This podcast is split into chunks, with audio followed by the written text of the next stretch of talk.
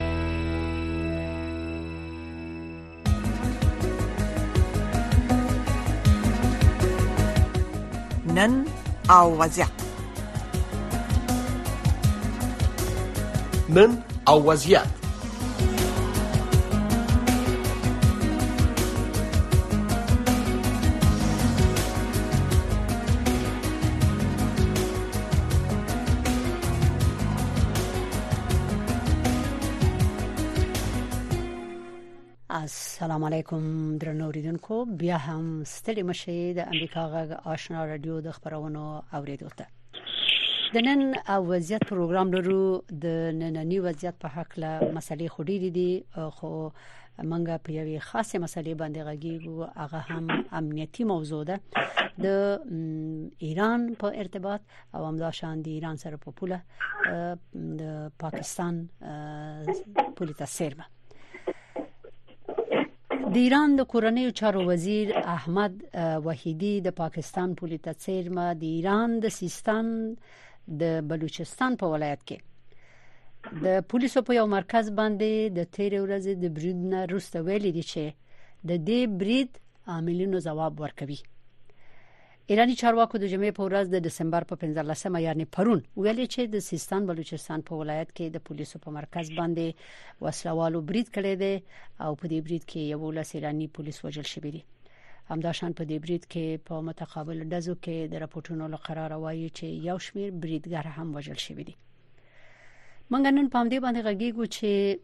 ایران وایي چې د دې وسوالو مخالفینو جواب ورکوي او کومځي کې چې دغه بریټ شوی دی دا د زاهدان د ولایت نه 1500 کیلومتر لري د پاکستان سرحد سره یو پوسټه ده د ایران چې د راسک په نامه باندې یادېږي امنیتي پوسټه ده په دې باندې بریټ شوی دی ولې بریټ شوی دی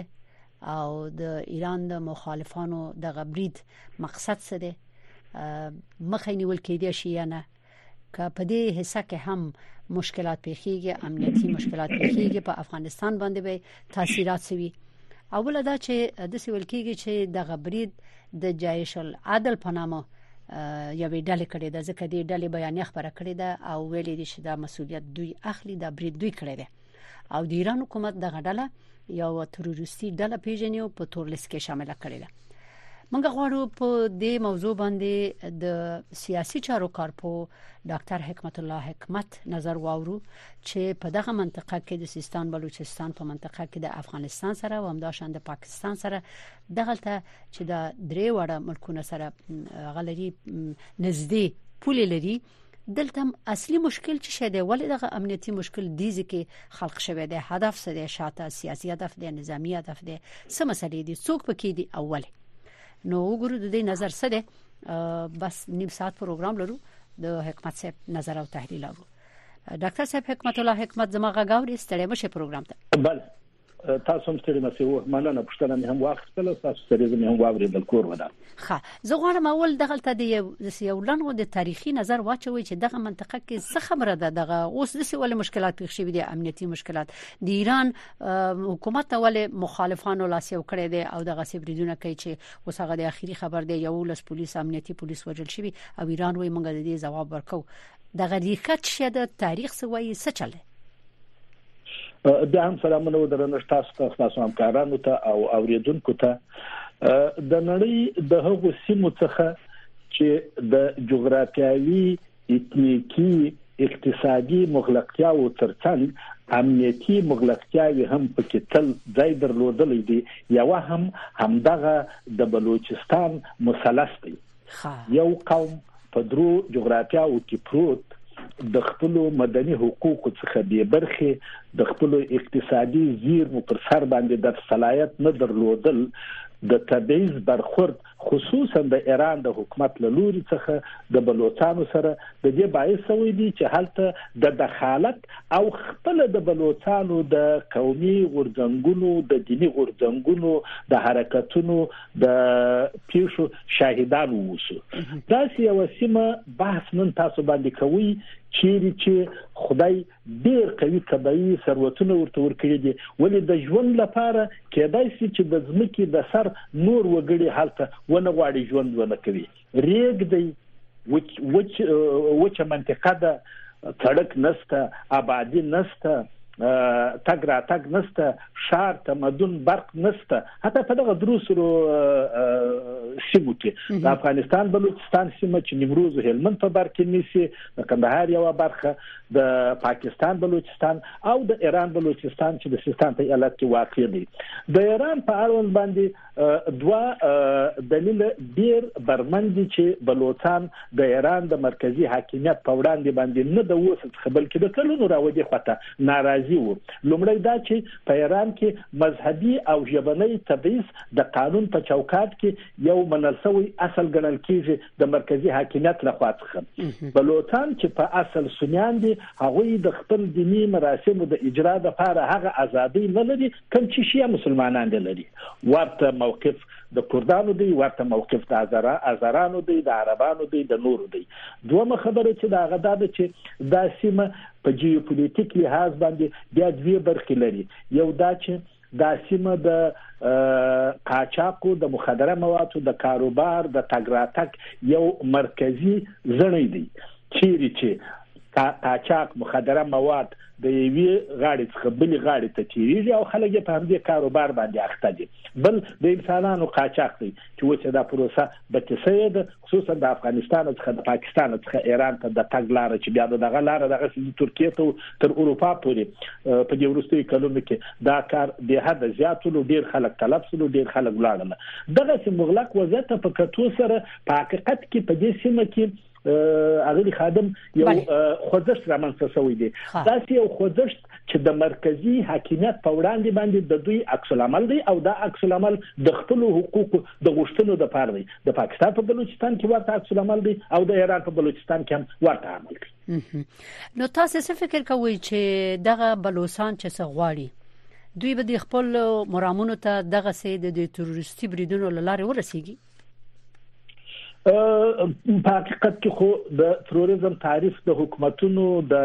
ابر قدرتونو د لوري څخه یو دی مګر د ځینې ملتونو د مبارزې شکل چې دوی تعریفوي هغه دې ته تروریزم نه وایي ترهګری نه وایي همداسې لکه لکه فلسطینیان چې حماس ته تروریستي ډله نه وایي بلکې د فلسطینیانو د حق د مبارزې لپاره یو ډله بولي همداسې بلوچستان کې مدلې چې لري سره د دې چې دغه سي مذهبي ډلې لکه جهش العدل او یا نور چې په بلوچستان کې ولې دا د بلوچستان سره ډېر اړیکه نه لري دا سیاسي ډلې دي چې تر ډیره پورې کنټرول د ایران د استخباراتو او د پاکستان د استخباراتو سره دی نوم باندې دی د دې لپاره چې ځانته د فشار وسیله پیدا کړي دغه سي کړنې تر سره کوي دا دغه سي یو مشابه عمل دی لکه په دې رسمایل خان کې چې د پاکستان پوځ او ایس آی وکړلی تاوان یې پر چا باندې واچولی، څنګه یې وکړله. ایراني استخبارات هم ورته کړنې کوي تر څو پورې چې بلوڅان تر فشار لاندې وساتي، په دې سیمه کې خپل پوځي حضور زیات کړي، فشار زیات وساتي تر څو چې د بلوڅانو ازادي بخښونکي نهضتونه، فکرونه وځپي. بناء ویلی شو چې دا ایران یا ځینې رسمي ادرسونه په اسلام آباد کې ورته ترهګري وایي، نو په سیمه کې د خلکو ته د کلونو ته د ترهګر په سترګ باندې نه کتل کیږي بلکې دا هغه څوک دي چې د خپل حق لپاره مبارزه کوي کېدای شي دا پیښه د بلوچو د ملي غورځنګونو سره تړاو ونه لري ما د بلوچستان یو ډیر دروند قومي مشر دوه واره په کابل کې ولیدلی د جمهوریت په وخت کې هغه د دغه سیمې ډېر یو درون سړی ولو په حقیقت کې د بلوچستانو د پاره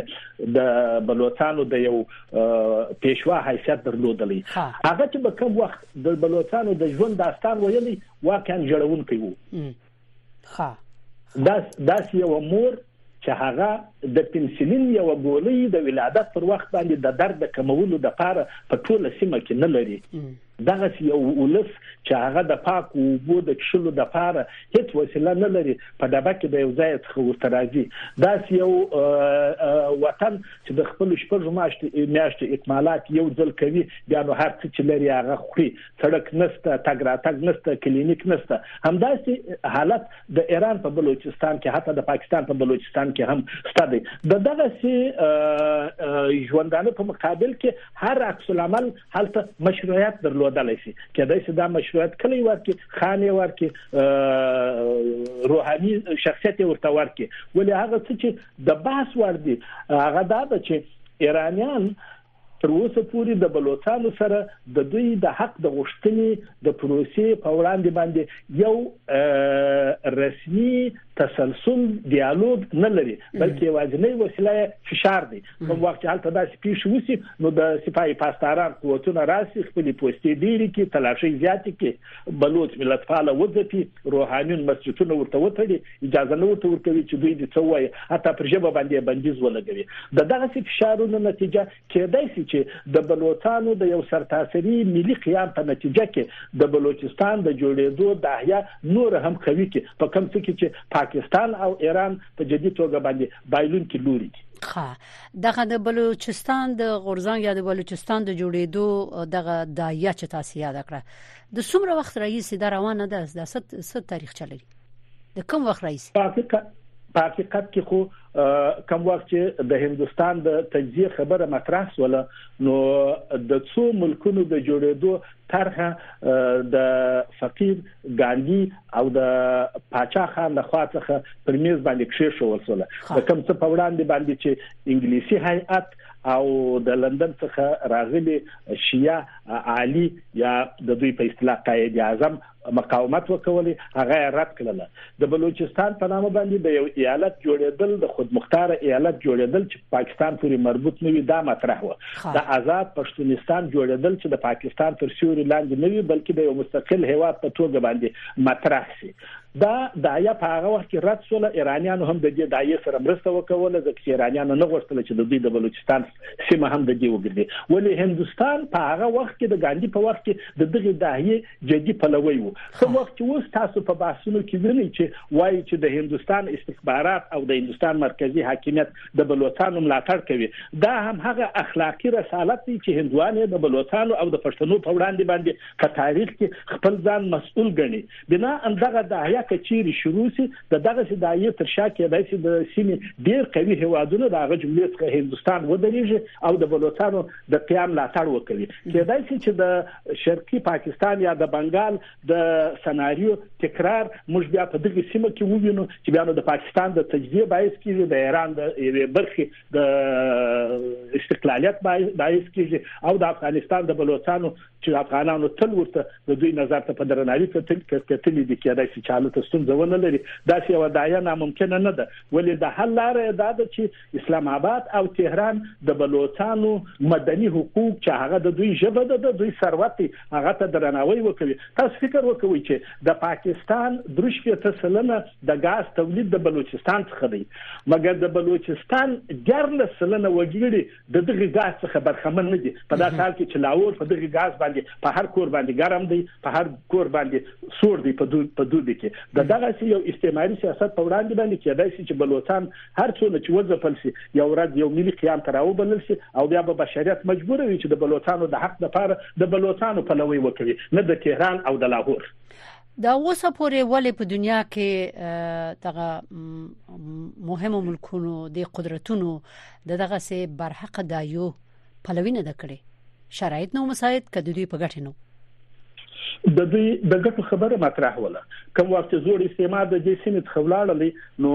دوی د خپل طبيعي زیرمو د تقویه د لپاره د بشري نیرو د جذب د لپاره او د سیاسي او فرهنګي نفوذ د ساتلو د لپاره د جغرافیا د ځان لپاره ډیره مهمه وګڼله ځکه نو ډیر قدرت او صلاحیت لاهور ته ورکړل، پنجاب ایالت یې ورته ورکړ، دغه نور درې څلور ایالت یې د دوی تر تاثیر لاندې راوستل. کوم وخت چې د شهنشاه حاکمیت ولو،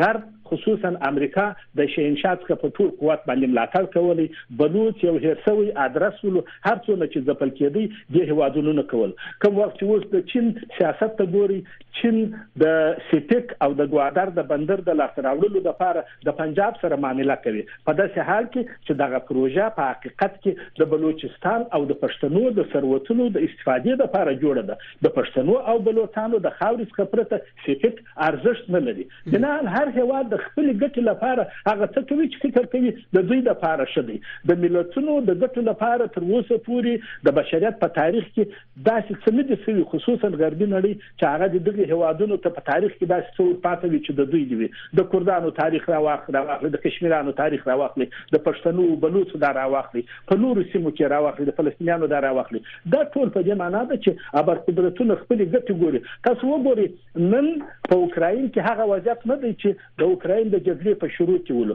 دا ځکه چې د غرب ګټو تغیر کړی دی اوکراین تغیر کړی دی کېدای شي سبا تاسو د اوکراین په اړوند باندې د غرب سیاست بل څه وویلی بنا ان د بلوچستان په وړاندې باندې د غربي نړۍ سیاست د چین سیاست د سیمې د هوادونو سیاست خصوصا د دغه دوه ملکونو چې بلوچ کې نيشته سیاستونه د دغه هوادونو د ګټو پر محور باندې راګرځي نه د بلوچستان د حق حق په اړوند تاسو د ایران په بلوچستان کې په بلوچي ژبه باندې یو ښوونځی نه لري په بلوچي ژبه باندې چاپی آثار تاسو نه لري په بلوچي ژبه باندې تاسو حتی موسیقي نه لري په داسې حال کې چې بلوچستان د ایران د فارس څخه یو ډیر لري جغرافیا ده چې هیڅ کله د فارس سره څه نه درلودله مګر بیا هم هلته یو بلوڅ کلیوال مجبور کیږي چې باید په فارسي ایراني باندې خبرې وکوي، لوست وکوي، ملا یې په مسجد کې په همدې ژبه باندې تبلیغ وکوي او د بلوڅي ویلو څخه یا د پښتو ویلو څخه چې تر ډیره پورې د دوی دومه ژبه ده د دې څخه دوی منع ساتل شوي دي دا سیمه خطرناک هم ځکه د تاسو په دغه شایسته بحث کې غواړم اشاره ورته وکوم چې د دې د دې سیمې په منځ کې کور ولګېدی ګاونډیان به هرو مرو په دې اور کې سوځي او یا به د دې اور د مړکولو د لپاره لاس په کار کیږي په دواړو حالت کې دا سیمایز کنفلیکټ دی سیمایز ستونزه ده چې کېدای شي چې د هوادونو لپاره په ګټه نه وي په تاوان یې تمام شي په دواړو حالاتو کې کله پاکستان خبره ده او کله ایران خبره ده په دواړو کې افغانستان شامل دی په دې دواړو شخړو کې په دې دواړو مسلو کې د جهش العدل خبره چې کیږي چې تاسو مخکې ویل کنه چې د نیمروز په ولایت کې عملیاتي فزیکی حضور لري دا یو کارپو ویل دي چې ودی التشته او بل او بل دا چې دا سه هم ویل کیږي چې د جهش العدل د طالبانو سره هم ارتباط لري دا دوی سره ارتباط لاره نو اوس موضوع دا ده چې ایران خود غډله تروریستي ډله اعلان کړې د خپل تور لیست کې اچولې ده په دې حساب باندې دغلته که مثلا دغه رقم بریدونه زیاتیږي دا د طالبانو او همداشان د ایران د واکدارانو ترمنځ په اړیکو او روابطو باندې څومره اغیزه کوي په دغه حالاتو کې چې د طالبانو روابط د گاونډیانو سره خني دي د همدغه تروریستي بریدونو او د افغانستان د نشأت یا نورو ته د zarar د رسیدو لويري د سیاسي غورځنګونو فکری تړاو ډیر وسیع دی دا په جغرافیا پورې ډیره اړه نه لري څوک د کومې سیمې اوسیدونکي دي په کوم قوم پورې اړه لري که د اخوان المسلمین فکر تاسو راوخلي نو هغه په حقیقت کې د تنظیمونو سره یو قسم تړاو لري د طالبانو د فکر سره تړاو لري که تاسو په فلسطین کې د مبارزینو فکر راوخلي دا ورته والی سره لري د دغه چې مذهبي ډلو چې د مدارسو فارغین او یا طلبای غړي کېدای شي د طالبانو سره سمپاتي ولري طالبان د دوی سره سمپاتي ولري ولې تر ځای پورې چې زه چیرنه کوم د قیق د سیمې معلومات لرم اړیکه لرم طالبان په اوس کې په سیمه کې د هیڅ نوع سیاسي مذهبي ډلې سره رسمي اړیکه نه لري حتی د دوی په منځ کې داسې یو موضوع مطرح شول چې د کومو نړیوالو سازمانونو سره دوی باید مرسته وکوي لکه د رباني په وخت کې چې هغوی د خپل حق حقوقو لپاره د اسلامي غوښتنو لپاره جنگيږي په جدي توګه باندې غوڅ اکثریت مشرتابه پر دې باندې راټول چې زموږ موقف باید به طرفانه وي موږ په اوس کې دا موقف نسو نیولای چې د چا سره یا مالی مرسته وکړو او یا حتی په اخلاقی لحاظ باندې هغوی ته څه ورته ورکړو د دغه سیدلو تړاو د طالبانو سره په حقیقت کې د فشار د وسیلې یو برخه ده چې پاکستانیان یې ډیر مطرح کوي دغه اوس اوس چې د پاکستان لوی درستیز په واشنگټن کې دی د واشنگټن د چارواکو قناعت په دې باندې غواړي واخلي چې ګویا طالبان ترهګر تربیه کوي ترهګر په افغانستان کې شته دي مګر زه تاسو ته په اطمینان سره د دغه برخې د یو مامور په توګه باندې چې څلور لسیزې مې چېړنې وکړ کړې دي د توایل سم چې ترهګری نن هم د آی اس آی په موټو باندې په دغه سیمه کې چلیدونکې ده پیسې دوی ورته ورکړي امکانات دوی ورته ورکړي د طالبانو د برنامه لپاره د فشار لپاره طالبانو یو خبره چې دراس په توګه تاسو ته کوم تاسو په دغه شایسته خبرونه کې د طالبانو څخه دوه واره پاکستان غوښتنه وکوله چې په قندوز کې یا په بلخ کې چې هوایي ډګرونه لري دوی ته د پوځي نظامی زده کړې تر نامه لاندې مرکز ورکول شي چې په حقیقت کې دوی غوښتل چې داعش خراسان شمال ته ور انتقال کړي او د طالبانو بي اجازه یا په اجازه هلته د منځنۍ اسیا او د شرقي ترکستان یاغیان او یا بنسټپاله ډلې وروزي پیسې ځنی واخلي طالبانو په دواړو وارو باندې په پاکستانیانو ته جواب ورکړي چې موږ دا کار نه کوو موږ اړتیا نه لرو خصوصا دغه شخصیتونو لکه ملا یعقوب سراج الدین قطعي مقاومت وکول تر هغه وروسته پاکستانیانو پر طالبانو باندې فشار زیات کړل په خوست باندې بمبار وکول د ټي ټي پی دغه تهمت باندې ودی اوس هم دغه فشارونه دوام لري تاسو فکر وکړئ هغه د ژورنالیست په توګه باندې چې ډیره تجربه لري د څلوریم ساعت په جریان کې د جراح اسماعیل خان د بریدګر عکس او ویډیو آی اس آی نشر کړل او ویل چې دا د مساقلا اوسیدونکو دي په داسې حال کې هغه ځوان چې خبرې کوي هغه قطن د سواد د قبایلی سیمو په لهجه باندې خبرې کوي اوس به ژوندۍ د آی اس آی په یو دفتر کې بچیر ناست وي به بنا دغه څه تهمتونه او دروغ ویل دا د پاکستان د استخباراتو او د ایران د استخباراتو کار دی زه باور لرم چې طالبان ډېر په خېټه ماړه دي، ښه ژوند لري، ډېر ثروت ورته پاتې شوی دی، نه غواړي چې د دغسې ډلو په حمایت باندې خپل دغه ښه ژوند او ښه حاکمیت له لاسه ورکړي. نو څه فکر کوئ چې د امریکا غوندې یو لوی قدرت پالیسي څه ده؟ دوی خو قوي استخبارات لري، د هر چا نه، په منطقه کې او په جهان کې. نو دوی خو په دې باندې پوهېږي چې په دې منطقه کې څه روان دي. د ایران سره د امریکا خپل مشکل وګورئ، دغه اتومي مسئله کې او همداشان د پاکستان سره په ارتباطاتو کې هم د امریکا پالیسی وګوري څه فکر کوي امریکا ته څه لازم دی په دې برخه کې څه کول شي په دغه منطقه کې په سیاسي او نظامی لحاظ بل امریکا په استخباراتي لحاظ باندې په افغانستان او پاکستان کې تر بل هر هیواد زیات امکانات او حضور لري حضور د جاسوسانو دی حضور د تخنیک دی حضور د رسمي چینلونو سره د دوی اړیکې دي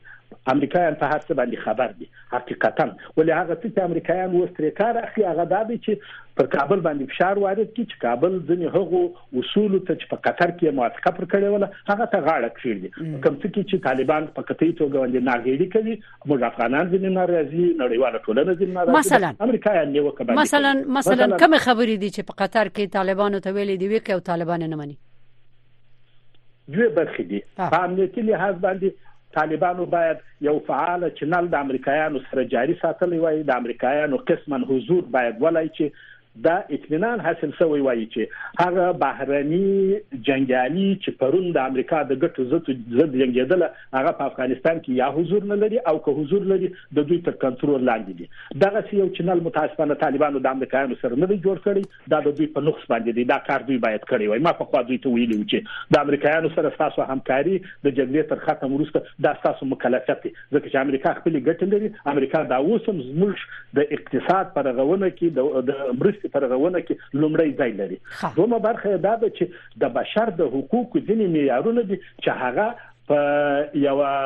روحاني ډله او د دوی په فکر پورې تړاو نه لري د شذې په وړاندې باندې د شوندې تړل دا جنایت دی دا یو جنایت دی چې په اسلام کې غندل شوی دی په هر تمدن کې غندل شوی دی مګر طالبان خو عملاً دا دوه کاله دا دا کار کړی دی او امریکا په دې بدنامي کې د طالبانو سره شریک ده کوم وخت موږ افغانان او توای امریکایانو ته چې تاسو اتلس میاشتې ولې د طالبانو څخه دا ضمانت وانه خستلې چې تاسو به د شذې په درو نه وغي مکتب نه تړي د شذي حق به نه اخلي او په دې نامه او دې نامه باندې به د افغانانو ګډون په سیاست او په حاکمیت کې نه کوي مګر دوی خو دا ضمانت و نه خستلی نن امریکایان د خپل هواد د خلکو د قناعت لپاره د افغانانو او د نړیوال د قناعت لپاره د طالبانو څخه په دغه عقل باندې په جدي توګه باندې غوښتنې لري ګیلې لري کوم چې موږ یې پر ځای بولو دا طالبان دي باید دغه غوښتنو ته جواب وایي او ژر جواب وایي ښه اوس به بیرته شو د ته چې د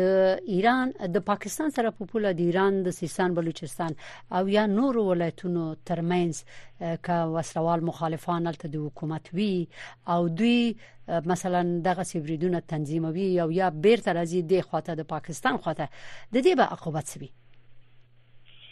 د پاکستان استخبارات په ایران کې د امریکایانو په همکاري باندې ډیره پخوانی سابقه لري څلور ډلې چې موږ په خپل وخت کې د جمهوریت په وخت کې راپورونه پرلودل همدغه بلوچ مشران چې موږ سره تلل دوی موږ ته شهرتونه راکول د دغه ډلو چې د پاکستان د آی او د پوز د استخباراتو په مټ باندې ایران ته اوړي فعالیتونه کوي یو برخه د مخدره موادو او د بشر د قاچاقو په کار باندې مصروف ول چې په حقیقت کې دا هم د آی اس آی او د پاکستان د پوځ سره په کوردینه باندې کېدل دا هغه جملې څخه په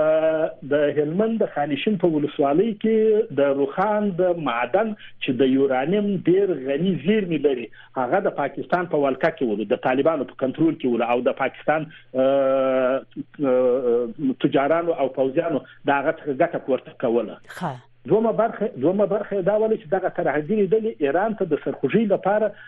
د امریکایانو په مشوره باندې په کوردینه باندې لیږل کېدل تاسو په یاد چې دوه لوی انفجارونه وسول په بلوچستان کې پر پوسټو باندې د ایران حمله وسول ایران عکس العمل وسولې او ویل چې دا کړهو لري په افغانستان کې د بهرانيانو د حضور سره د هغه وخت څخه د پاکستان استخبارات او پوز د دغه ډلو سره اړیکې لري د پاکستان د بلوچستان په سیمو کې د دوی په پوځي اډو کې روزل کیږي چې دغه افراد او اشخاص ډیری بلوچستان هم نه دي په دې کې نور افراد او اشخاص هم ستدي د نورو سیمو حتی د نورو هیوادونو افراد او اشخاص په کې ستدي چې محلي فرهنګ او کلچر سره آشنا دي او دغه کارونه تر سره کوي ایران په دې باندې خبر دی ایران د پاکستان سره نه غواړي خپل اړیکې خراب کړي ولې حقیقتا ایران معلومات لري چې دغه ډلې د افغانستان څخه نه د بل هیواد څخه نه بلکې د پاکستان څخه د دوی پر پوستو د دوی پر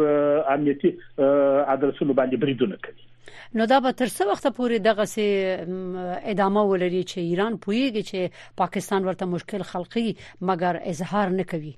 او بیا وایي چې موږ به د دې جواب ورکونو جواب به څنګه ورکوي دا جواب د غواخې چې کړي د دې معنی څه ده څنګه جواب ورکړي دا خو یو د تعصب خبره ده چې کوم وخت داسې پیښې کیږي د هغو تر شا حکومتونه لاس لري مګر جواب ورکول بیا ولسونو ملتونو ته ورکول کیږي کلی بمبار شي کوم وخت چې د القاعده خبره کېدله نو وزیرستان په کندواله بدل شو د القاعده د وزیرستان سره څه ول چې د پاکستان پوځ وزیرستان په کندواله بدل کړي دا خو سیاستونه دي داسې القاعده پاکستان امریکا غربي نړۍ راوستله د شوروي په وړاندې باندې وجنګوله ولې کوم وخت بیا پاکستان وغوښتل دا غیڅ څخه دوه مګټه پورته کی بیا د پښتنو کورونه په وران کړل وزیرستان په کندواله ورته بدل کړل ویلای شو چې اوس اوس اوس دا لوبه ډیره بد حالت ته ځکه دي چې ایران کېدای شي چې د پاکستان په مقابل کې عکس العمل وشي ایران د ورته استخباراتي عمل کولو امکانات لري او دا به د پاکستان لپاره د سیمې لپاره په ګټه نه وي ډیره زیاته مننه تاسو نه ډاکټر صاحب حکمت الله حکمت کور مو ودان معلومات مو چې ورکړل زمونږ اوریدونکو ته امید ده آینده خبرونه کې به بیا هم په نورو مسایلو ساس نظر او تحلیل وورو اوس د سي ساس مخه د خدای په امان مخه تم ګلونه ډیره مننه چې خبرونه ترغلې د خدای په امان